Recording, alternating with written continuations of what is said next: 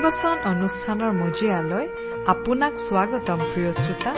আজিৰে পবিত্ৰ ক্ষণতে উজলি উঠা খ্ৰীষ্টৰ জ্যোতি। প্ৰিয় শ্ৰোতা আপুনি নিজকে খুব অকলশৰীয়া অসহায় অনুভৱ কৰিছে নেকি? তেন্তে আপোনালৈ আনিছো এটি সুখবৰ।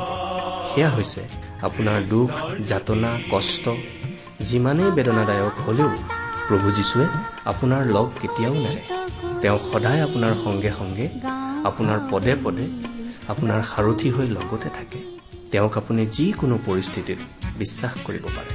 তেওঁ লগত থকাত আপুনি কেতিয়াও অকলশৰীয়া আৰু অসহায় নহয়। আহক এবাৰ আকৌ আজি আমি নিজকে প্ৰস্তুত কৰোঁ। ঈশ্বৰৰ জীৱনময় বাক্যৰ শিক্ষামূলক অনুষ্ঠান ভক্তিবচন শুনিবলৈ। আজি মোৰে জীৱন। আৰু একো নিবিচাৰো। যিছু তোমাৰ অবিহনে আজি মোৰে জীৱন। আৰু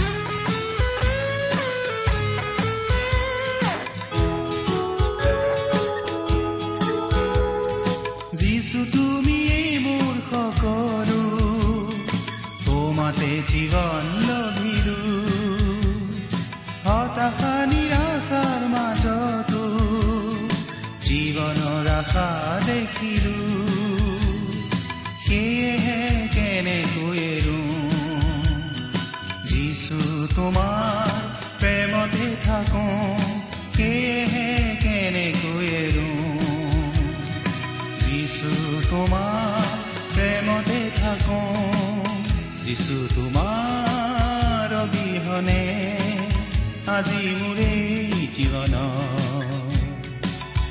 আৰু একো নিবিচাৰো।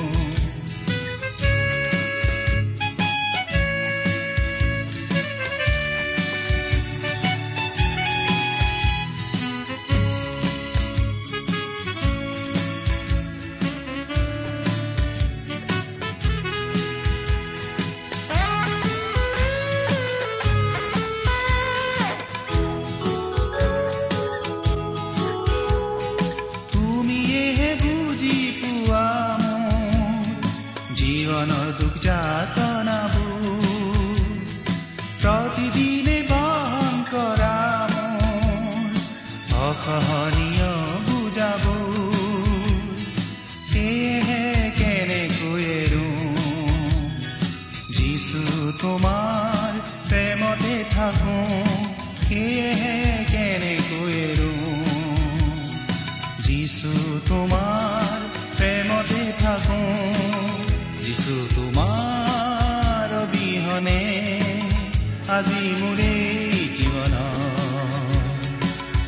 আৰু একো নিবিচাৰো যিছু তোমাৰ আজি মোৰে আৰু একো নিবিচাৰো আৰু একো নিবিচাৰো আৰু একো নিবিচাৰো আমাৰ পৰম পবিত্ৰ প্ৰভু যীশুখ্ৰীষ্টৰ নামত নমস্কাৰ প্ৰিয় শ্ৰোতা আশা কৰো মহান পিতা পৰমেশ্বৰৰ মহান অনুগ্ৰহত আপুনি ভালে কুশলে আছে লগতে আমি এই বুলিও আশা কৰিছো যে আপুনি আমাৰ এই ভক্তিবচন অনুষ্ঠানটো নিয়মিতভাৱে শুনি আছে। প্ৰিয় শ্ৰোতা আমি আমাৰ চিনাকি লোকসকল আমি ভাল পোৱা লোকসকল সদায় ভালে কুশলে থকাটো নিবিচাৰোনে বাৰু? আমাৰ সৃষ্টিকৰ্তা ঈশ্বৰেও আমাক ভাল পায় আৰু আমি ভালে কুশলে থকাটো তেওঁ বিচাৰে। আৰু সেইবাবেই তেওঁ আমাক উদ্ধাৰ কৰিবলৈ তেওঁৰ একেজাত পুত্ৰ যীশুখ্ৰীষ্টকেই আমালৈ দান কৰিছিল। আমিও আমাৰ শ্ৰোতাসকল ভালে কুশলে থকা বুলি জানিলে ভাল পাওঁ। তেওঁলোকৰ কুশল বাতৰি আমি শুনিব বিচাৰো। আৰু সেইবাবেই আমি শ্ৰোতাসকলৰ পৰা চিঠি পত্ৰ পাবলৈ আশা কৰো। প্ৰিয় শ্ৰোতা আপুনি বাৰু আমালৈ চিঠি পত্ৰ লিখি থাকেনে? অনুগ্ৰহ কৰি আজি এই দুখাৰিমান লিখি পঠিয়াবচোন। আহকচোন আজিৰ বাইবেল অধ্যয়ন আৰম্ভ কৰাৰ আগতে খন্তেক প্ৰাৰ্থনাত মূৰ দুৱাওঁ হওক। আমি প্ৰাৰ্থনা কৰো। স্বৰ্গত থকা অসীম দয়ালু কৰুণাময় পিতৃ ঈশ্বৰ তোমাৰ মহান নামৰ ধন্যবাদ কৰো। তুমি মহান তুমি কৰুণাময় তুমি অনুগ্ৰহৰ আকৰ। তোমাৰ অনুগ্ৰহতেই আজি আমি প্ৰভু যীশুত বিশ্বাস কৰি পৰিত্ৰাণ পাব পৰা হৈছো তোমাক পিতৃ বুলি মাতিব পৰা হৈছো। তুমি আমালৈ যিমান অনুগ্ৰহ দেখুৱাইছা তাৰ বাবে তোমাক ধন্যবাদ দি আমি শেষ কৰিব নোৱাৰো। এতিয়া প্ৰাৰ্থনা কৰিছো তোমাৰ মহান বাক্য বাইবেল শাস্ত্ৰৰ যোগেৰে তুমি আমাক কথা কোৱা। তোমাৰ মাত আমাক শুনিবলৈ দিয়া। আমাৰ শ্ৰোতাসকলৰ জীৱনত তোমাৰ অনুগ্ৰহৰ আশীৰ্বাদ উপচি পৰিবলৈ দিয়া। কিয়নো এই প্ৰাৰ্থনা আমাৰ মহান ত্ৰাণকৰ্তা মৃত্যুঞ্জয় প্ৰভু যীশুখ্ৰীষ্টৰ নামত আগবঢ়াইছো।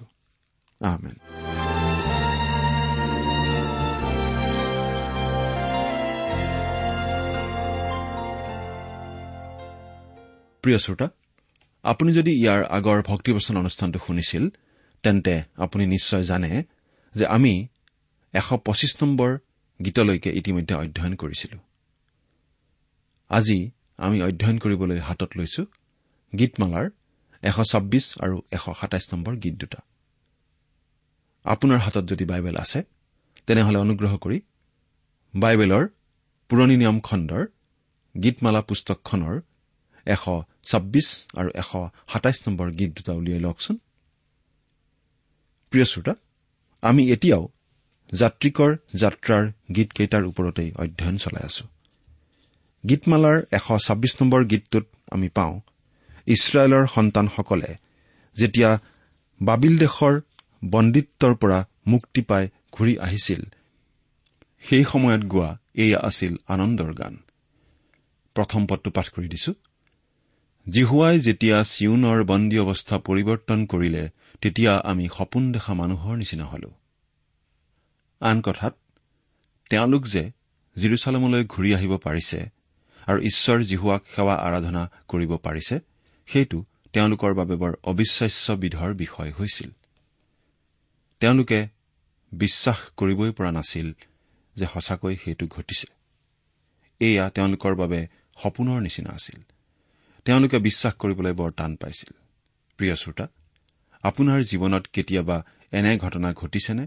যিটো ঘটনা আপুনি বিশ্বাস কৰিবলৈ বৰ টান পাইছিল এনেকুৱা ঘটনা নিশ্চয় আমাৰ জীৱনত ঘটে। নহয় জানো? প্ৰিয় শ্ৰোতা যেতিয়া ইছৰাইলৰ লোকসকলক শত্ৰুসকলে বন্দী কৰি লৈ গৈছিল তেওঁলোকক তেওঁলোকৰ নিজৰ দেশৰ পৰা বেলেগ দেশলৈ তেতিয়া তেওঁলোকৰ সকলো আশা সকলো ভৱিষ্যত একেবাৰে ধ্বংস হৈ যোৱাৰ নিচিনা হৈছিল। আৰু সেই বিদেশত তেওঁলোকে বন্দী হিচাপে দিন কটাবলগীয়া হৈছিল। আৰু বন্দীৰ আচলতে কোনো আশা নাথাকে। তেওঁলোকে বাবিল দেশত তেনেদৰে বন্দী হৈ থকা সময়ত নিশ্চয় ভাবিবই পৰা নাছিল যে তেওঁলোক আকৌ মুকলি হৈ নিজৰ দেশলৈ উভতি আহিব পাৰিব। কিন্তু তেওঁলোকক আকৌ তেওঁলোকৰ দেশলৈ সেই ইছৰাইল দেশলৈ মুকলি কৰি আনিব বুলি ঈশ্বৰে প্ৰতিজ্ঞা কৰি থৈছিল আৰু ঈশ্বৰে তেওঁলোকক আকৌ মুকলি কৰি আনিছিল। সেই বিষয়ে আমি ইতিমধ্যেই আলোচনা কৰি আহিছো বিশেষকৈ ইজৰা পুস্তকত। আপোনাৰ নিশ্চয় মনত আছে? যেতিয়া তেওঁলোক মুকলি হৈ আকৌ নিজৰ দেশলৈ ঘূৰি আহিছিল যেতিয়া তেওঁলোকে আকৌ জিৰচালেমত ঈশ্বৰ হোৱাৰ উপাসনা কৰিবলৈ পাইছিল তেতিয়া তেওঁলোকে সেয়া সপোন দেখাৰ নিচিনাকৈ দেখিছিল। প্ৰিয় শ্ৰোতা ঈশ্বৰে যেতিয়া কিবা এটা কৰিম বুলি কয় তেওঁ কৰে। আৰু বহুত সময়ত আমি অসম্ভৱ বুলি ভবা আমি সপোনতো সম্ভৱ বুলি নভবা কথাবোৰো তেওঁ সম্ভৱ কৰি তোলে। দুই নম্বৰ পদটো পঢ়িছো। সেই কালত মানুহৰ মুখ হাঁহিৰে আৰু আমাৰ জীৱা গানেৰে পৰিপূৰ্ণ হল। তেতিয়া জাতিবোৰে কোৱাকৈ কৰিলে। জিহুৱাই এওঁবিলাকৰ নিমিত্তে মহৎ কৰ্ম কৰিলে। সঁচা প্ৰিয় শ্ৰোতা মুক্তি পোৱা মানুহৰ মুখ হাঁহিৰে ভৰি থাকে আৰু তেওঁলোকৰ জীৱা গানেৰে পূৰ্ণ হৈ থাকে। সেয়াই হৈ পৰে এটা সাক্ষ্য আৰু সেই সাক্ষ্য দেখি শুনি পৰজাতিসকলে সাক্ষ্য দাঙি ধৰি কয় যে তেওঁলোকৰ ঈশ্বৰেই তেওঁলোকক সহায় কৰিলে। তেওঁলোকৰ কাৰণে মহৎ মহৎ কৰ্ম কৰিলে। আমাৰ বিশ্বাসৰ কাৰণে ঈশ্বৰে আমাক সহায় কৰাটো সত্য ঈশ্বৰক নজনা লোকৰ বাবে কিমান ডাঙৰ সাক্ষ্য? কিন্তু কথা হ'ল আমি ঈশ্বৰত বিশ্বাস ৰাখোনে বাৰু? বিশ্বাস মানে আমাৰ এনে বিশ্বাস যি বিশ্বাসৰ বাবে পৰজাতিৰ লোকে যেন কবলৈ বাধ্য হয় যে আমাৰ ঈশ্বৰে আমাক সহায় কৰে আৰু আমাৰ নিমিত্তে মহৎ মহৎ কৰ্ম কৰে। কিন্তু হাই হাই আন লোকে আমাৰ ক্ষেত্ৰত তেনে সাক্ষ্য দিব পৰাকৈ আজি ঈশ্বৰত আমাৰ গভীৰ বিশ্বাসৰ দুৰ্ঘুৰ অভাৱ। নহয়নে বাৰু? ভাবি চাওকচোন প্ৰিয় শ্ৰোতা। আপোনাৰ বিশ্বাসৰ বাবে আপোনাৰ জীৱনত ঈশ্বৰে বাৰু এনেকুৱা কিবা কাম কৰিছেনে যাৰ বাবে আন মানুহে কবলৈ বাধ্য হৈছে যে আপোনাৰ জীৱনত ঈশ্বৰেই সেই মহৎ কাৰ্য কৰিছে? তিনি নম্বৰ পদ জিহুৱাই আমাৰ নিমিত্তে মহৎ কৰ্ম কৰিলে। এই নিমিত্তে আমি আনন্দিত হৈছো। ইছৰাইলৰ সন্তানসকলৰ অৱশিষ্ট ভাগ বাবিলৰ বন্দী অৱস্থাৰ পৰা মুক্তি পাই অহাৰ বাবেই কেৱল তেওঁলোকে আনন্দ কৰা নাই। কাৰণ ঈশ্বৰ জীহুৱাই তেওঁলোকৰ জীৱনৰ কাৰণে সাধন কৰা সেইটোৱেই কেৱল মহৎ কৰ্ম নাছিল। ইয়াত ভৱিষ্যতে ঘটিবলগীয়া মহৎ কৰ্মৰ কথাও নিহিত হৈ আছে। কাৰণ তেওঁলোকৰ মচীহ পৰিত্ৰাতা প্ৰভু যীশুখ্ৰীষ্ট যেতিয়া পুনৰ পৃথিৱীলৈ ঘূৰি আহিব ইছৰাইলৰ সন্তানসকলৰ গোটেই জাতিটোৱেই পৰম আৰু চূড়ান্ত মুক্তি লাভ কৰিব। সেয়াহে হ'ব তেওঁলোকৰ আচল মুক্তি আৰু সেইটোহে অধিক আনন্দ কৰিবলগীয়া বিষয় হ'ব। এতিয়া চাৰি নম্বৰ পদৰ পৰা ছয় নম্বৰ পদলৈকে পাঠ কৰি দিছো। হে জিহুৱা দক্ষিণ দেশৰ জুৰিবোৰ পৰিৱৰ্তন কৰাৰ নিচিনাকৈ আমাৰ বন্দী অৱস্থা পৰিৱৰ্তন কৰা। যিবিলাকে চকুলোৰে বয় তেওঁবিলাকে আনন্দেৰে দাব যিজনে কান্দি কান্দি ববলগীয়া কঠীয়া লৈ যায় তেওঁ অৱশ্যে আনন্দেৰে তেওঁৰ ডাঙৰি লৈ ওলটি আহিব।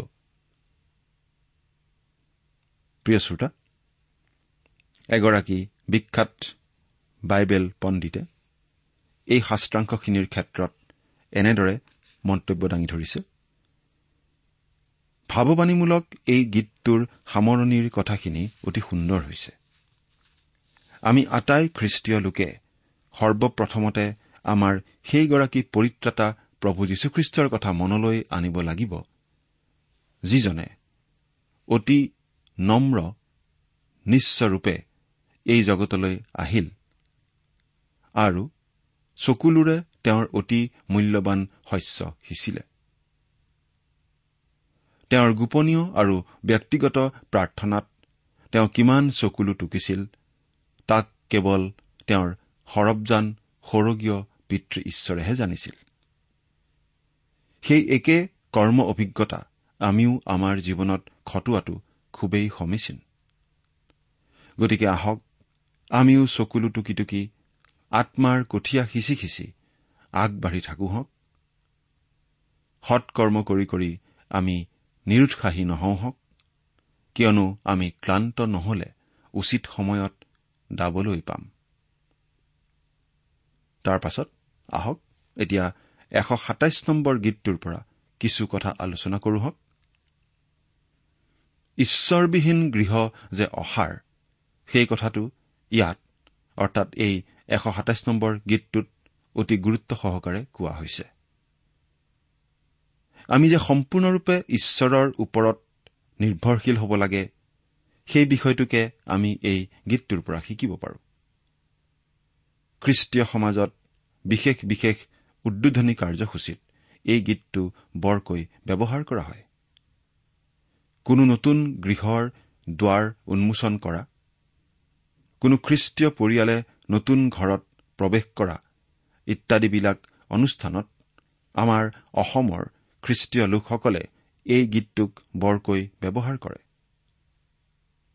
কোৱা হৈছে যে পশ্চিমীয়া দেশ এখনৰ একালৰ ৰাষ্ট্ৰপতি এগৰাকীয়ে ৰাষ্ট্ৰপতিত্ব অৰ্পণ কৰিবৰ বেলিকাও এই গীতটোকেই ব্যৱহাৰ কৰা হৈছিল। এই গীতটোত নিজ প্ৰিয়ক বুলি কৈ ডায়ুদৰ পুত্ৰ চলোমনৰ কথা কোৱা হোৱা নাই। কিন্তু সেইগৰাকী নিজ প্ৰিয় পুত্ৰ আমাৰ পৰিত্ৰাতা প্ৰভু যীশুখ্ৰীষ্টৰ বাহিৰে আন কোনোৱেই নহয়।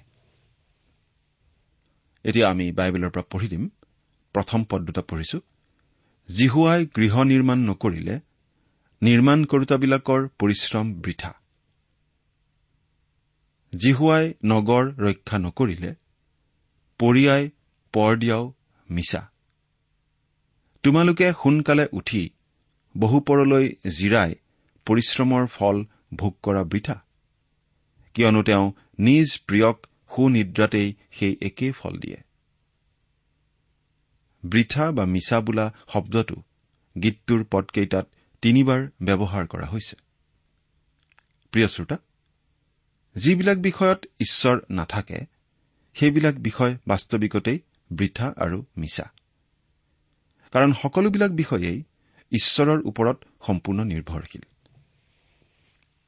আন কথাত কবলৈ গ'লে যিবিলাক বিষয়ত ঈশ্বৰৰ আশীৰ্বাদ নাথাকে সেইবিলাক বিষয় মানুহৰ বাবে কোনোমতেই উপকাৰক মংগলজনক বা আশীৰ্বাদজনক হ'ব নোৱাৰে। নাই কেতিয়াও নোৱাৰে।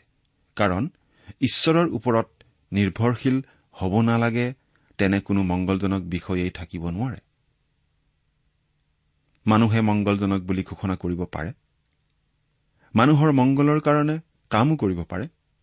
কিন্তু তাত যদি ঈশ্বৰৰ আশীৰ্বাদ নাথাকে অতি সোনকালেই তেনে বিষয় বা কাম বৃথা বা মিছা বুলি প্ৰমাণিত হবই হ'ব। আজি বাৰু আমাৰ মাজত আমাৰ সমাজত সেয়াই হৈ থকা নাইনে? চিন্তা কৰি চাওকচোন প্ৰিয় শ্ৰোতা। বানপীড়িত খৰাং পীড়িত অগ্নিকাণ্ডৰ দ্বাৰা পীড়িত ভূঁইকপ পীড়িত বা গোষ্ঠী সংঘৰ্ষত পীড়িত লোকসকলৰ বাবে সাহায্য আগবঢ়োৱাৰ নিচিনা মানৱ হিতকৰ যিবোৰ কাম হাতত লোৱা হয় সেইবোৰ অতি পবিত্ৰ কাম। তাত নিশ্চয় সন্দেহ নাই। কিন্তু তেনে পবিত্ৰ কাম পবিত্ৰ ঈশ্বৰক বাদ দি কৰাত সেইবিলাক কাম বৃথা আৰু মিছা হৈ পৰে। মানুহৰ বাবে সেইবোৰ উপকাৰক বা আশীৰ্বাদজনক হৈ নপৰে। সাহায্যৰ সিংহভাগ বিতৰণকাৰীৰ জাপলৈ যায়। ৰক্ষকসকলেই ভক্ষক হয়। সাহায্য বিতৰণৰ নিচিনা পবিত্ৰ কামখিনি ঈশ্বৰবিহীনভাৱে হোৱাত সেয়া অপবিত্ৰ হৈ পৰে। ফলত সেয়া এক প্ৰহসনত পৰিণত হয়। হৈ পৰে এক ভেকু ভাওনা। সম্পূৰ্ণৰূপে ফুটুকাৰ ফেন। ভিতৰুৱা গাঁৱত চৰকাৰে বাট বান্ধি দিয়াটো এটা পবিত্ৰ কাম জনহিতকৰ কাম।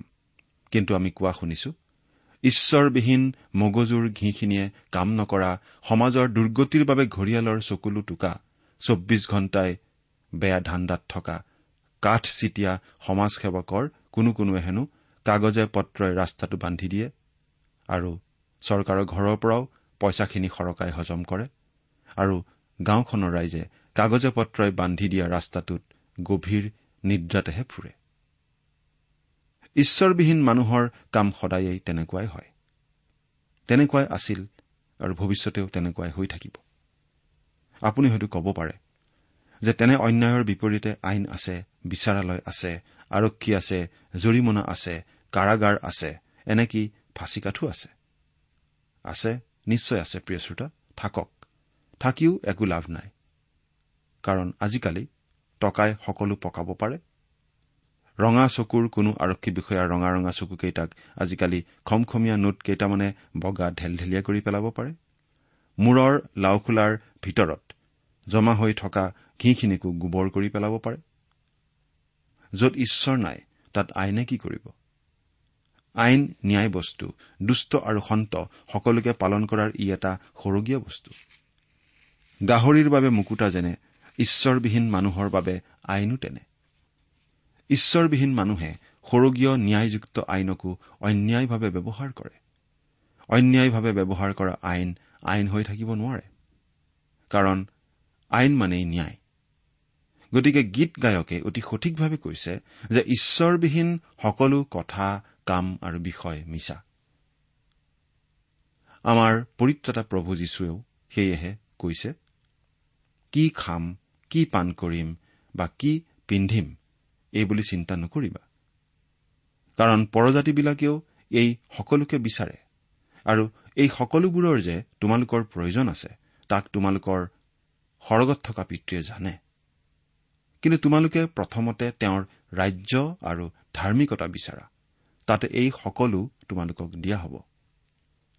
মুঠিয়ে লিখা শুভবাৰ্তা ছয় নম্বৰ অধ্যায়ৰ একত্ৰিশ পদৰ পৰা তেত্ৰিশ নম্বৰ পদত আমি এই কথাখিনি পাওঁ অৰ্থাৎ আমি যি বিচাৰো যি কওঁ আৰু যি কৰো সেই সকলোতে ঈশ্বৰ থাকিব লাগে আৰু সেই সকলোবিলাকতেই যদি ঈশ্বৰ থাকিব লাগে তেন্তে আমি ঈশ্বৰতেই সম্পূৰ্ণ নিৰ্ভৰ কৰিব লাগে।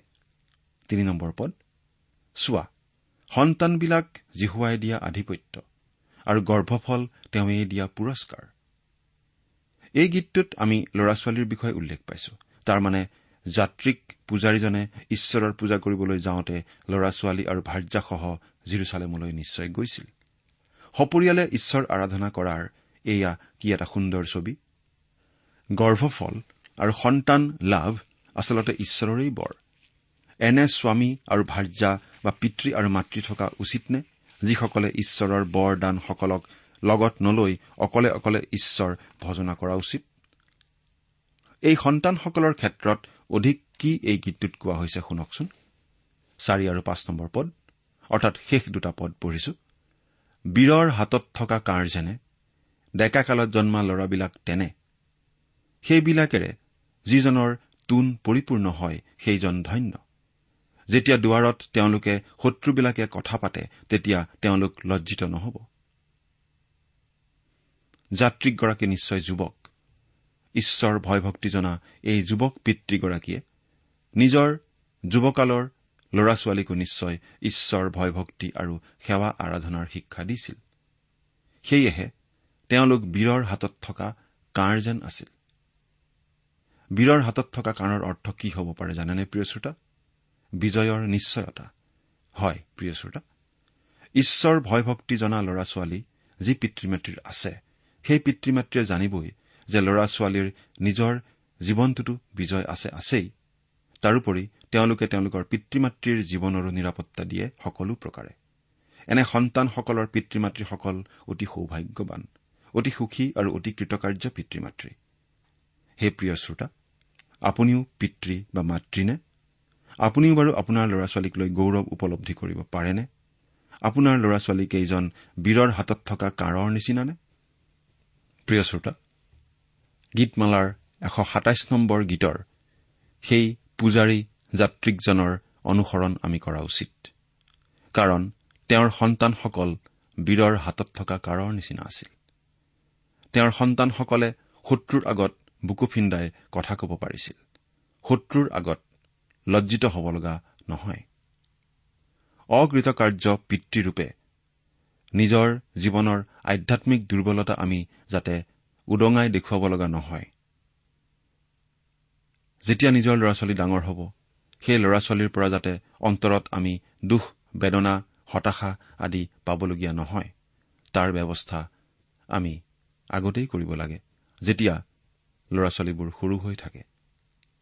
কণ কণ অৱস্থাৰ পৰাই ল'ৰা ছোৱালীক আমি যেতিয়া ঈশ্বৰৰ বাক্য শিকাওঁ ঈশ্বৰৰ বাক্যমতে চলিবলৈ উদগাওঁ আৰু নিজেও আদৰ্শ হৈ সেই ল'ৰা ছোৱালীৰ অন্তৰত ঈশ্বৰৰ প্ৰতি ভয় ভক্তি জন্মাবলৈ চেষ্টা কৰো। তেতিয়াহ'লে সেই ল'ৰা ছোৱালী যেতিয়া ডাঙৰ হ'ব সেই ল'ৰা ছোৱালী আমাৰ বাবে বীৰৰ হাতত থকা কাঁড়ৰ নিচিনা হ'ব। এই কথা মনত ৰাখি আমি প্ৰত্যেকেই নিজৰ নিজৰ দায়িত্ব অধিক গুৰুত্ব সহকাৰে পালন কৰিবলৈ আগবাঢ়ি যোৱা উচিত নহয়নে? প্ৰিয় শ্ৰোতা আমি দুৰ্বল মানুহ।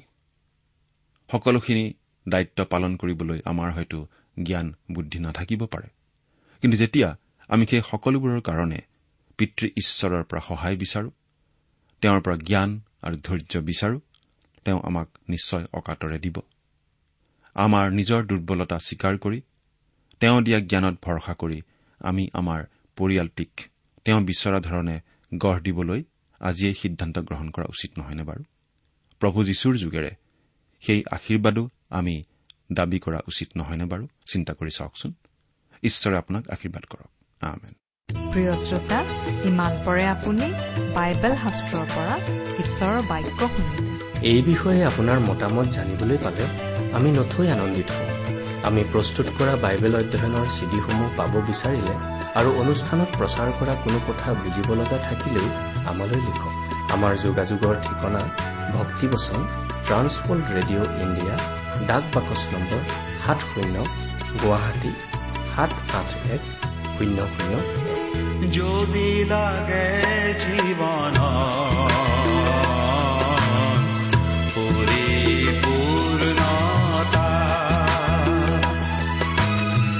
যদি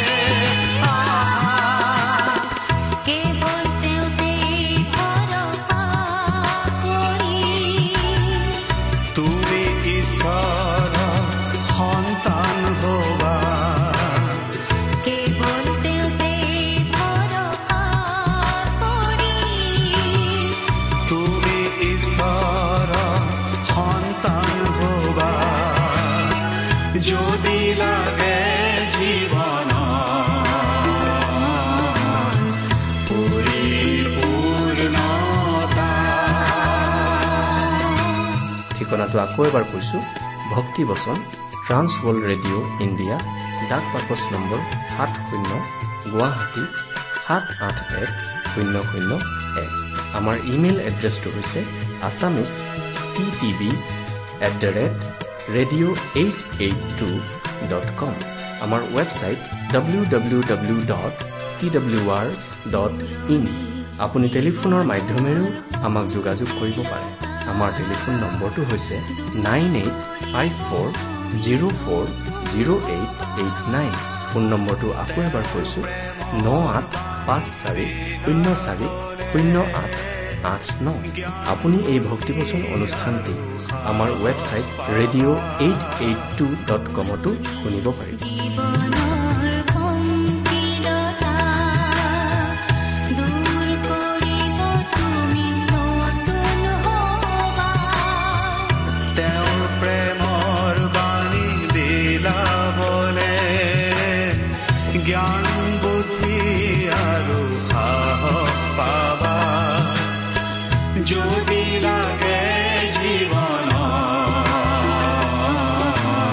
আজিৰ অনুষ্ঠানটি ইমানতেই সামৰিছো।